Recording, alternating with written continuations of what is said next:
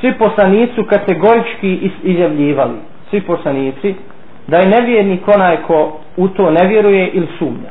Da je nevjernik i ne može biti vjernik onaj ko ne vjeruje u sudnji dan ili sumnja u to. Zbog čega je to tako? Zbog čega je vjerovanje u sudnji dan na ovako visokom mjestu u islamskom vjerovanju? Zbog toga što poricanje ili sumnja, ne samo poricanje, nego i sumnja u život poslije smrti čini besmislenim sva druga vjerovanja. I vjerovanje u Allaha, i vjerovanje u poslanike, i vjerovanje u meleke, i objave. Ako ne vjerujemo ili sumnjamo u sudnji dan, znači to čini besmislenim svako drugo vjerovanje. Vidjet ćemo zašto. Zato uzvišeni Allah zbog znači značaja vjerovanja sudnji dan u Kur'anu gdje se god spominje vjerovanje u Allaha spominje se i vjerovanje u sudnji dan. To govori o značaju. O značaju jeli, vjerovanja u sudnji dan. Opet se vraćam na ono i kažem da pitanje vjerovanja nije samo pitanje priznavanja, nego pitanje ubjeđenja u srcu. Ubjeđenja, svjesnosti, istine sudnjeg dana. Da će to neminovno doći i prisutnosti toga u našim mislima, u našem svakodnevnom životu, to je tema znači večerašnjeg naših predavanja. Isto poricanje sudnjeg dana i života poslije smrti također bi značilo da se začestiti krijepostan život koji žive vjernici, jer to je osobina i karakteristika svakog vjernika, da se za takav život koji živi pravi vjernici neće dobiti nagrada. Znači opet bi život po vjeri, prakticiranje vjere bilo besmisleno, beskorisno. I da takav život i cjelokupan trud koji ulaže vjernik, da će to biti uzalno. Međutim, znajući znači iz ove sumnje koje ubacuju oni koji ne vjeruju sumnjaju sudnji dan, uzvišen Allah je na nekoliko mjesta u Kur'anu naglasio da Allah u istinu neće dati da propadnu vaša djela, vaš trud. Allah u istinu neće dozvoliti da propadnu naša djela i naš trud. I u suri koja nam je svima poznata suri i da zulzile tel kaže ko radi trun dobra vidjet će ga. Ko radi trun dobra vidjet će ga. Ko radi trun zla vidjet će ga. Da bi ovo bolje shvatili o čemu govorim večeras, navećemo neke primjere malo o njima različiti. Recimo u našem svakodnevnom životu, malo prispitajmo ili svako sebe, svaki put kad se od nas nešto traži, bez obzira bilo to ovo ili ono, traži se da nešto učinimo, odmah se upitamo ili padne na pitanje na ovom, kakva je korist od toga? Kakva je korist od toga? I šta rizikujemo ako to ne učinimo? Šta rizikujemo ako to ne učinimo? To je priroda čovjeka. Tako je u pitanju vjeri, nije samo u ovo dunjaločnim stvarima. I u pitanju vjeri. Ako je čovjek ubijeđen u, u sudnji dan i polaganje računa, naravno da je svjestan koristi vjerovanja u sudnji dan i svjestan je rizika nevjerovanja u sudnji dan i nepostupanja po Allahovim jel propisima mi nikada, odnosno vi nikada ne, ne želite da gubite svoje vrijeme i energiju da biste učinili nešto beskorisno. Nešto što nema nikakve koristi. Nešto neproduktivno. Ovo se odnosi samo znači na ljude koji su, koji su imalo normalni. O, oni koji su, kažem, nenormalni, oni rade i čine ono što je beskorisno. Inače, opće pravilo, kad je u pitanju, recimo, sudni dan, pošto večeras govorimo o sudnjem danu, opće je pravilo što ste više ubijeđeni u korist neke stvari, da je nešto korisno za vas.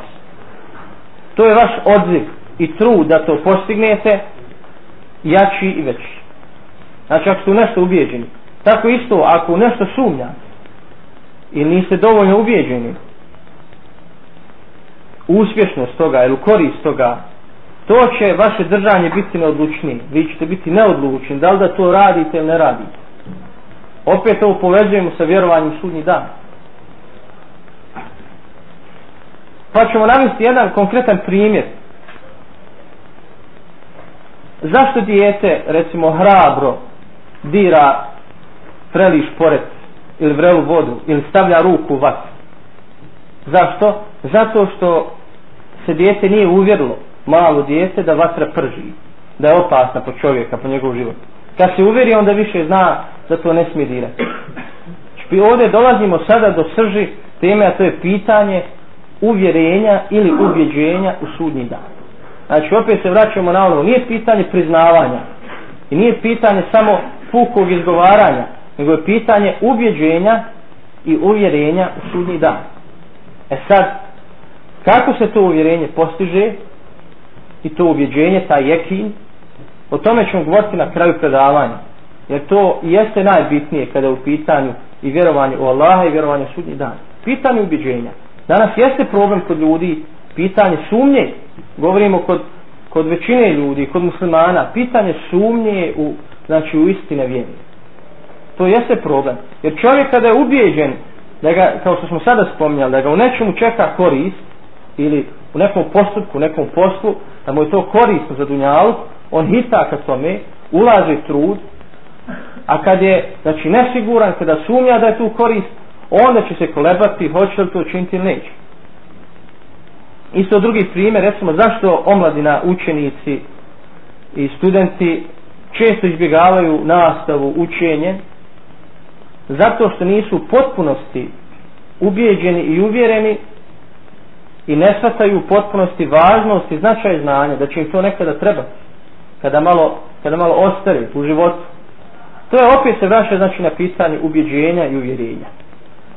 Sada razmislimo o čovjeku koji ne vjeruje ili sumnja u sudnji dan.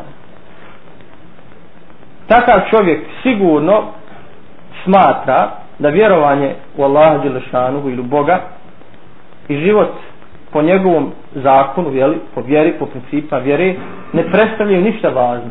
Znači onaj ko ne vjeruje u sudnji dan, za njega bez obzira ako tvrdi da vjeruje u Allaha.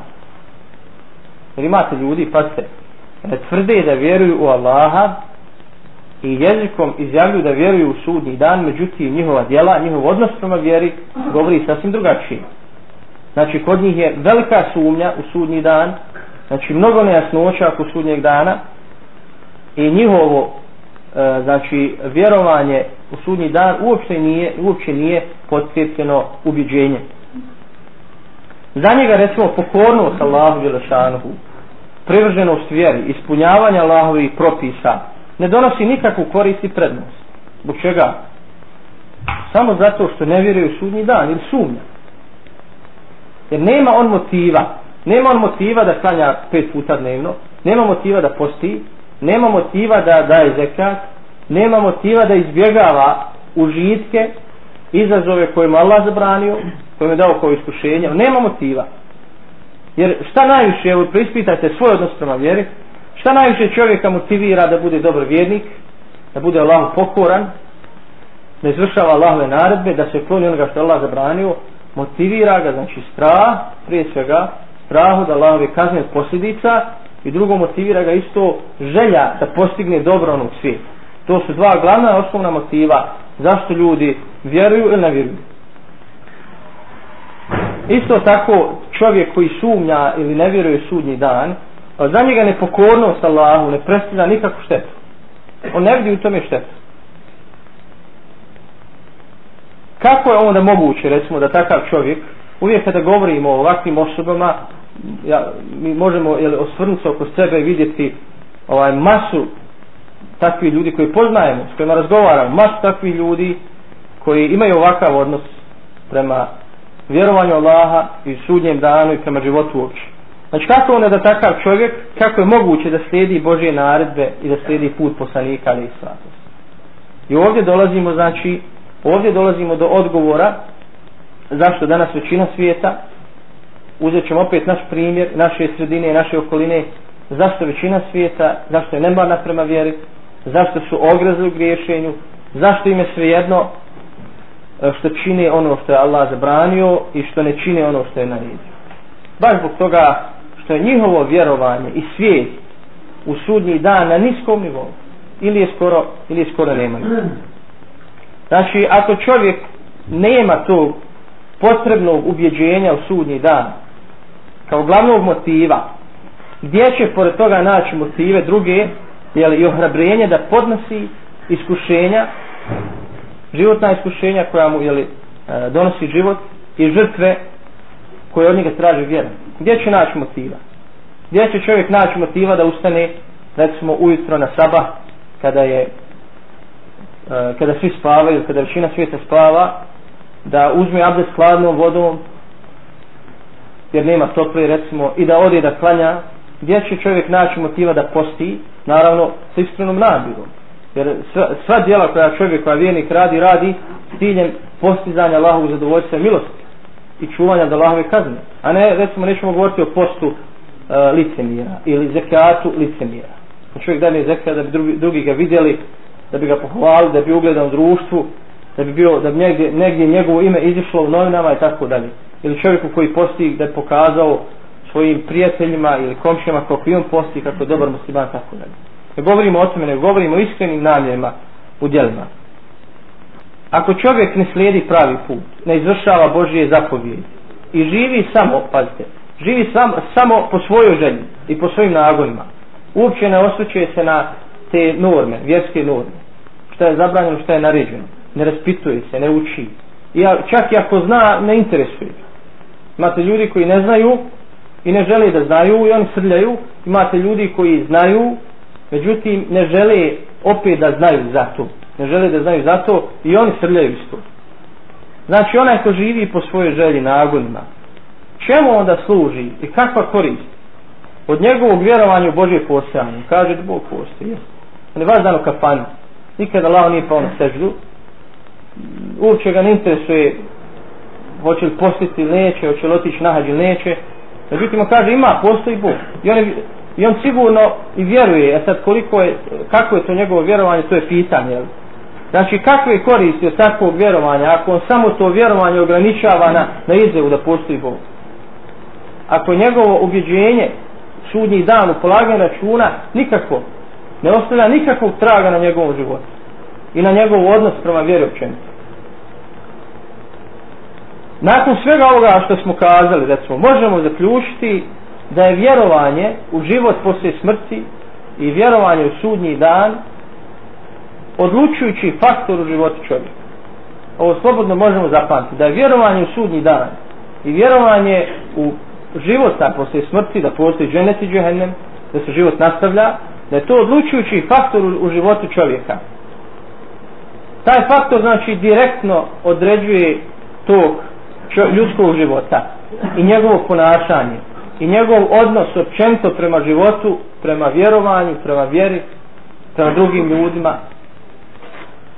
Vidjet ćemo još iz nekih primjera. Jel? Znači ovdje dolazimo do pravog odgovora zašto većina muslimana danas, muslimana, kažem, po navodnim znacima, zašto se odnosi ovako nemarno prema vjeri. Nemarno prema vjeri. I Allahovim zapovjedima. Kada pitate ljudi vjeruju u Allah i sudnji dan, vjeruju, priznaju. Čak i kako ih pitate vjerujete li uh, uh, posebno sudnji dan da, da ćete polagati račun da ima džennet i džehennem, on će kazati mi vjerujemo. Međutim, što se tako odnosi prema nemano prema vjeri? Što su ogrezi u griješenju? Zato što je njihovo vjerovanje u sudnji dan, pa čak i vjerovanje Allaha, uh, kao jedna, kao jedna mala iskrica, kao jedna mala iskrica koja im ne daje dovoljno svjetlosti ne osvjetljuje dovoljno njihovo srce da im srce vidi da im srce vidi znači istinu da vidi pravi put. Znači taj jakin a to je ubjeđenje nije dovoljno obasjalo i bljesak jekina nije dovoljno obasjao i probudio njihovo nemarno i mrtvo srce.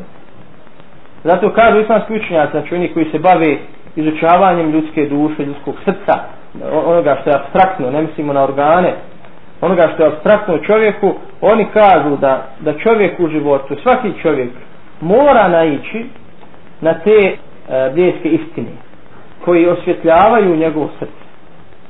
E sad kaže, čije srce dovoljno bude osvjetljeno, odnosno čije srce dovoljno prihvati tog nura, ubjeđenja, istine, ono će i nastaviti uz Allahovu pomoć uputu da korača pravim putem i Allah će mu otkrivati dalje i druge istine i njegovo ubjeđenje ako naravno sve ima sve uzroke, ono će rasti. Ono će rasti dan u dan. U dan.